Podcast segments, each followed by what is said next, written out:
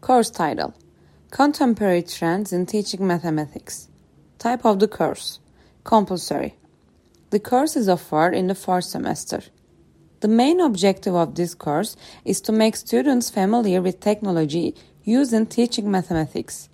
The computer programs and applications specifically developed to learn and teach mathematics are presented.